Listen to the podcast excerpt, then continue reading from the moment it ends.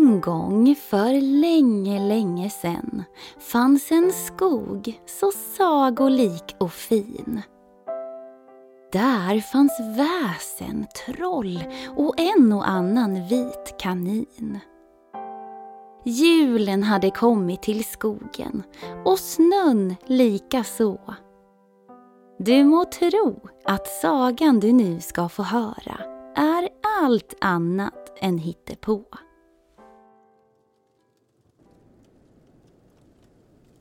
Familjen Stentroll satt framför den öppna spisen och åt kvällsfika.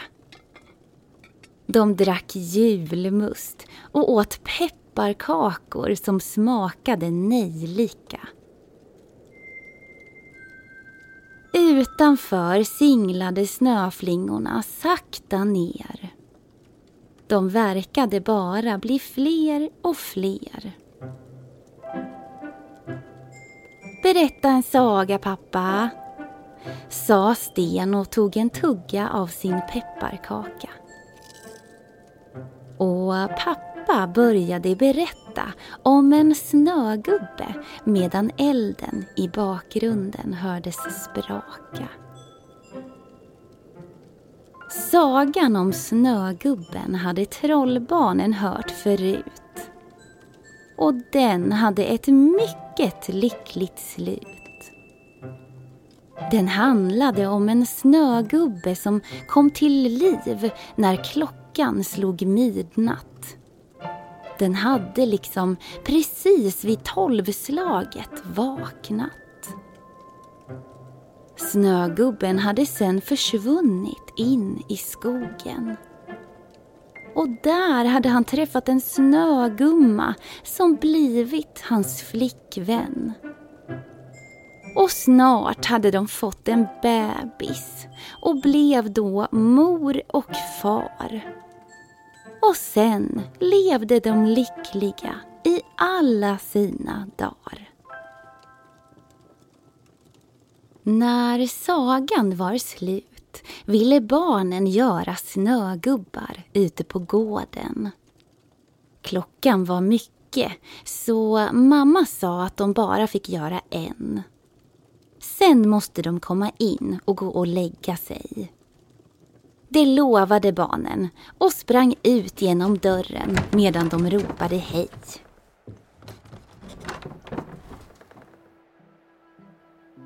Månen gav ifrån sig ett vackert sken. Snön låg tungt på vartenda träd och gren. Det var lagom kallt ute och Flisa tog ett djupt andetag. Hon njöt av vintern och kände ett sånt underbart välbehag. Trollbarnen började rulla en varsin stor snöboll.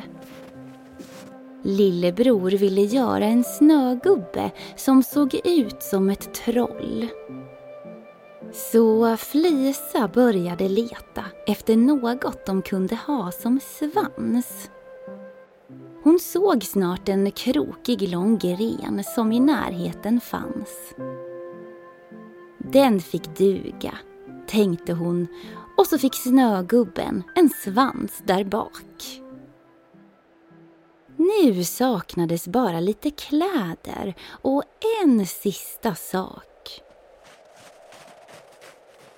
Felisa sprang in och hämtade pappas vinröda rock.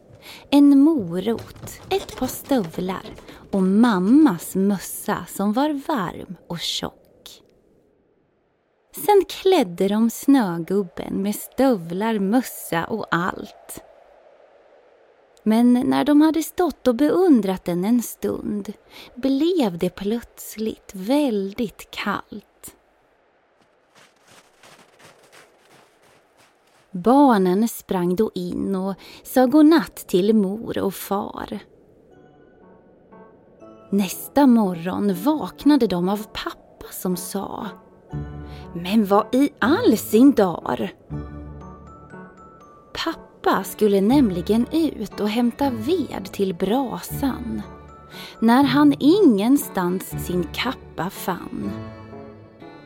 Trollbarnen kom in i köket och sa Ja men den tyckte vi att snögubben skulle ha. Det blev en trollsnögubbe med stövlar också.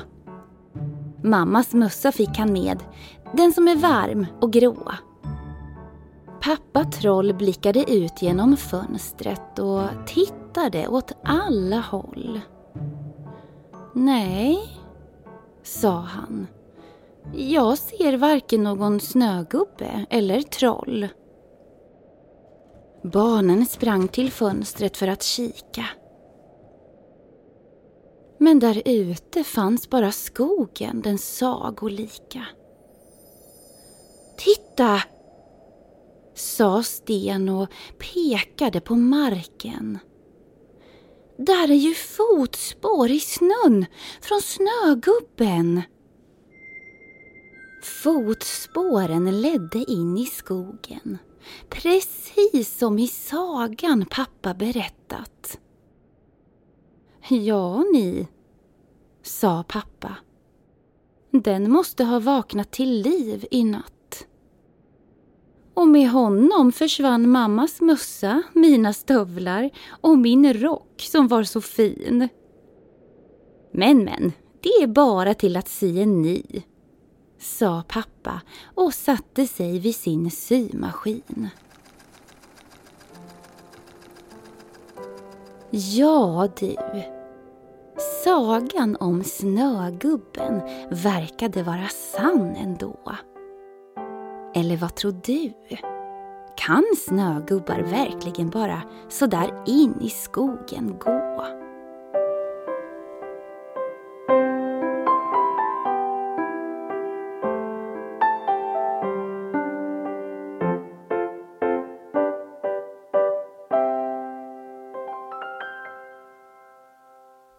Har lyssnat på Sagoskogen.